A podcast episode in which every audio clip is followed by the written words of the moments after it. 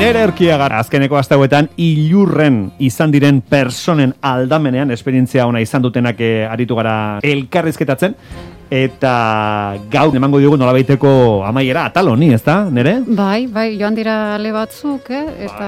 Bai. Oso interesgarriak, oso politak, eh? Bai, eta ba ez dira izango nahiko normalean eriotzaren inguruan jasotzen ditugun albiste edo kontu, eh, bueno, eskorrak eh, orekatzeko. Hmm, orekatzeko, Baina, bueno, behintzat, eriotzari dugun beldurrari esatitxo bat kentzeko balio badute, ba, ba horixe behintzat gura hmm. legina, ez da? Eriotzari buruz asko dakien medikua eta komunikatzaile petoa bera Feliz Subia medikua da, Euskadi Irratiko Osasunetxea irratzaioko esataria. Ba, bakizue medikua da, Donostia Hospitaleko zaintza intensiboko arduraduna da. Eta eriotzaren inguruko esperientzia gogorrei buruz asko daki, mm baina era berean ere esperientzia honei buruz ere asko kontatu dezake. Eskatu diogu e, Xavier Lete olerkari eta kantari handiak eriotzaren aurrean izandako esperientzia partekatzeko. Horregatik, Xaber Lete gaur hemen gurekin. Ez nau izutzen egur bilak udabeteko beroan dakidalako irauten duela orainak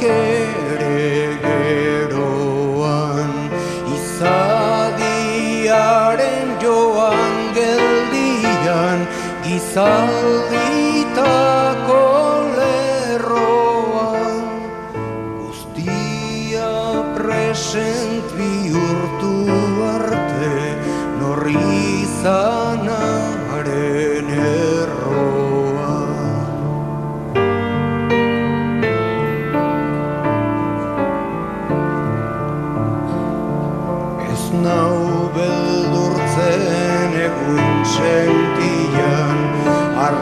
stars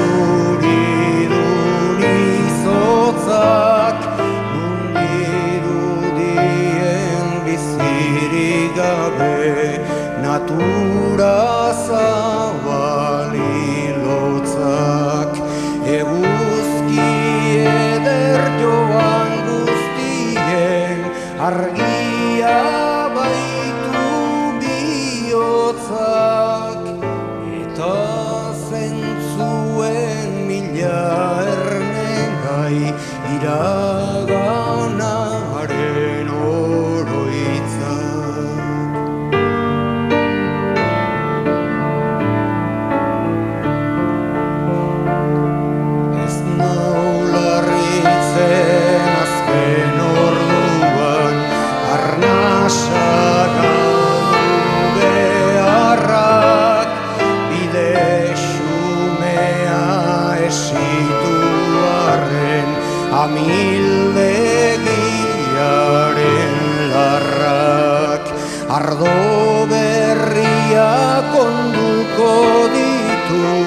Mastietan haien zarrak Gure oraina arrazoiturik Beste batzuren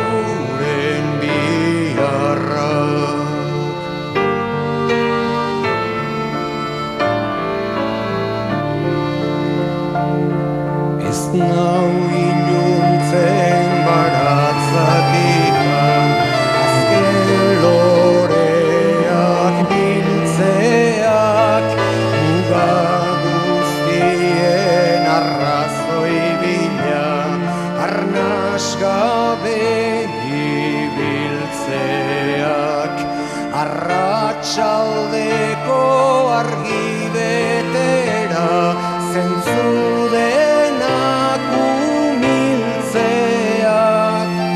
Atxeden ezkoloa baitakar Behin betirako hiltzeak Arratxaldeko argi betera Zentzudenak umiltzeak Atxeden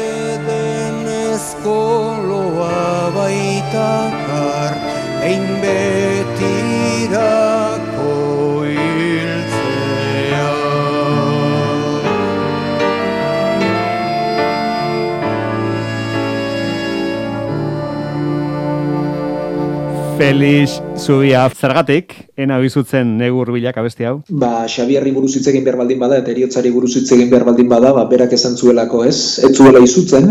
Kantu hau, ez dut buruz eh, ondo ondo gogoa, baina larogei, larogei bat urte buelta hortakoa da, eta kontua da, ba, gerora bere bizitzarekin erakutsi zuela ez zuela izutzen, ez? Eta horra saltzen diren kantu hontan eta poesia hontan azaltzen diren metafora asko, ondoren bere bizitzen erabiliko ditu, ez? E, negua da eriotza, elurra da eriotza, eta azkenean e, berak erabili zuen ondorengo poemategi guztian ere, ez? Eta kanta goz egokia da, gaurko gehiari bat lotua dagoelako. E, Felix, e, Xaberletek esotasun luzea izan zuen, eta sarritan zuartatu zitzaion, e, ospitalean egotea, eta ala gertatu zitzaion bere bikote lurdez iriondo kantariari ere. E, nolako izan zen beraien e, gaixotasunaren prozesua, konta guzu? Bueno, biak ziren gaixo kronikoak, ez? E, pentsa, ere lurdezena e, berba dezagunagoa da, e, bihotzeko arazo bat zuen, e, balgula mitraleko arazo bat zuen, horregatik e, bera berez e, opera kantari edo bentsat e, kantu klasikorako prestatzen ari zena, ba, utzi, eta kantagintzara pasa zen, esango dugu Euskaldun ontzat eskerrak, hmm? ez? Baina gaitz hori, gaitz hori hortzuen eta bizi guztien eraman zuen, eta Xabierrek berriz bazuen gaixotasun bat esteetakoa, gaixotasun oso oso arraroa, nik ez dut beste kasurik ezagutu, gaixotasun autoimunen e, zailekoa, eta esteetako nervioak pixkana-pixkana gelditzen zijoazkion, ez? Mhm. Eta orduan ezin zuen elikatu, ezin zuen behar bezala libratu, eta bazen bian arteko oreka bat, ez? E, lurdez e, gure lankide batek eramaten zuen Ricardo Arruek. Ricardo Arruek, bai, aspaldiko ezaguna da, bai. Eta Ricardo horrengan etortzen zenean lurdez, bezaten zikun, Felix, zaitu ziazu ondo Xavier bere premia daukateta.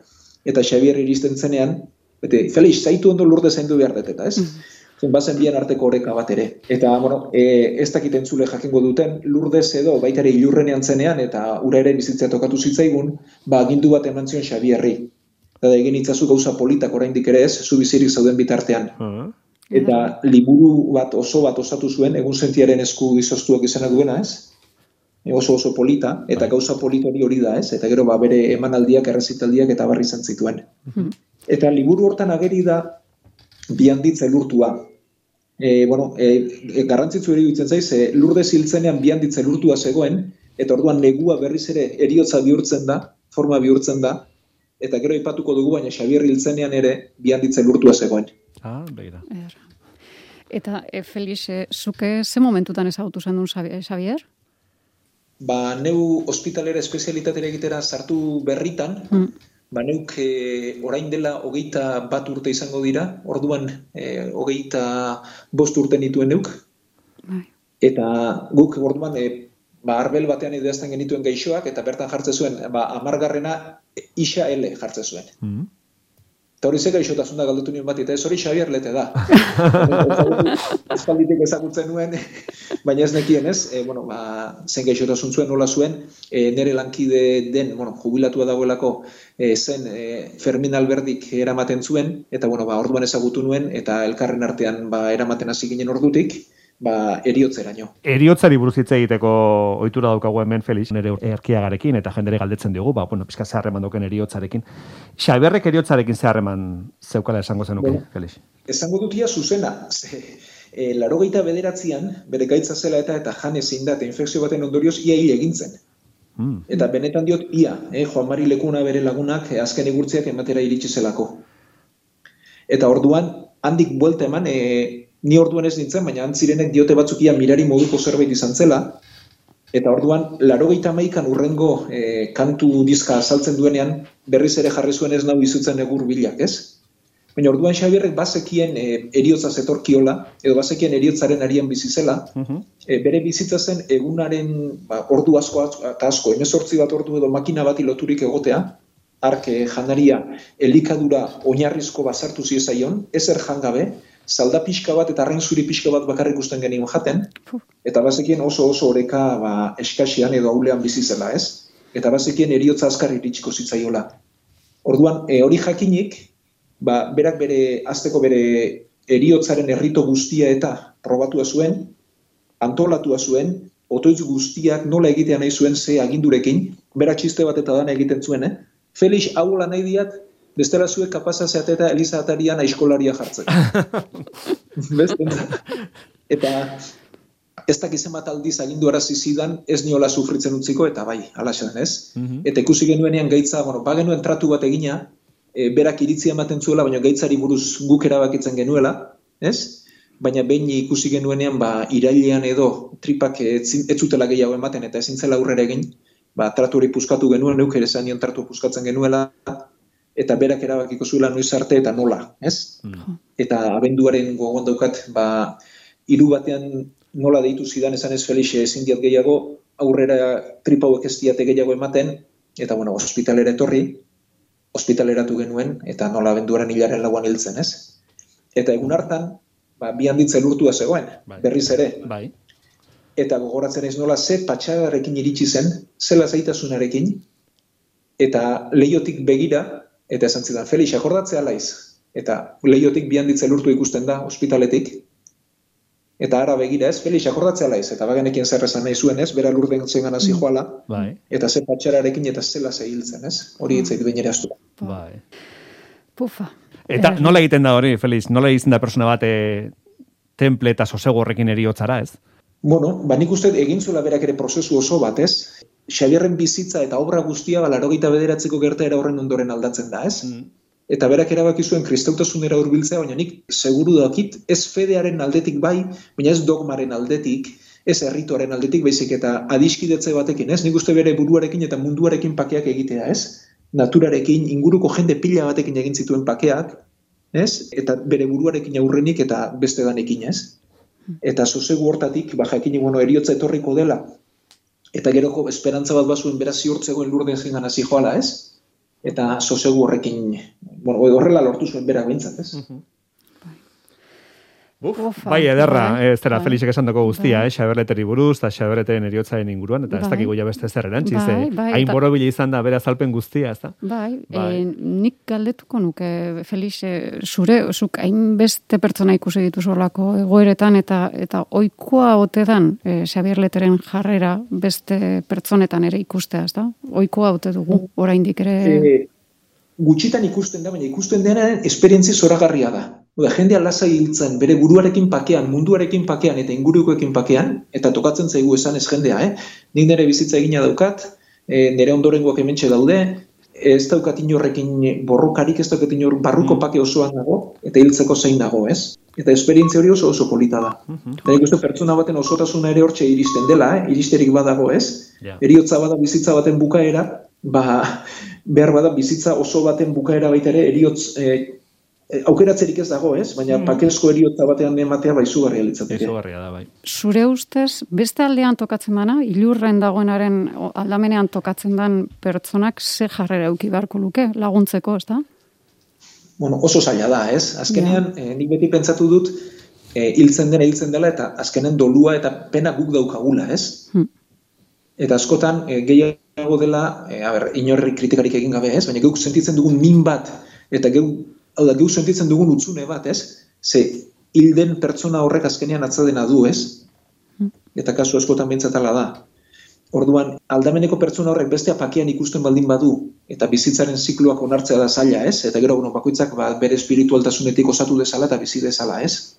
Baina hori osatzea lortuko baldin bagenu, ez? Eta geure utzune hori jabetu adierazi, ez? Geure egin eta aldan bitarte horretan, ez? E, bakean dagoen pertsona horri bake ematen asmatuko bagenu bezugarria litzateke. Erra, erra. Bi handitze lurtuta, eh? Zeiru Bai. polita hori. Esan, Bialdi Felix? buruzko azkena osatzea, Bai. Bai, Fermin Alberdi jubilatu zenean ere bi handitze lurtua zegoela. Ara, Bala. ara. jolen Orduan ez dakit ni noiz jubilatuko naizen, Bai, elurtuta da, elurri gabe, e, bi handit e, bisitatzea beti da placer e, izugarria toki zoragarria delako. Eskerrik asko. Eskarrik asko, Felix. Bai. Aio. Felix, aio, aio. Aio, aio.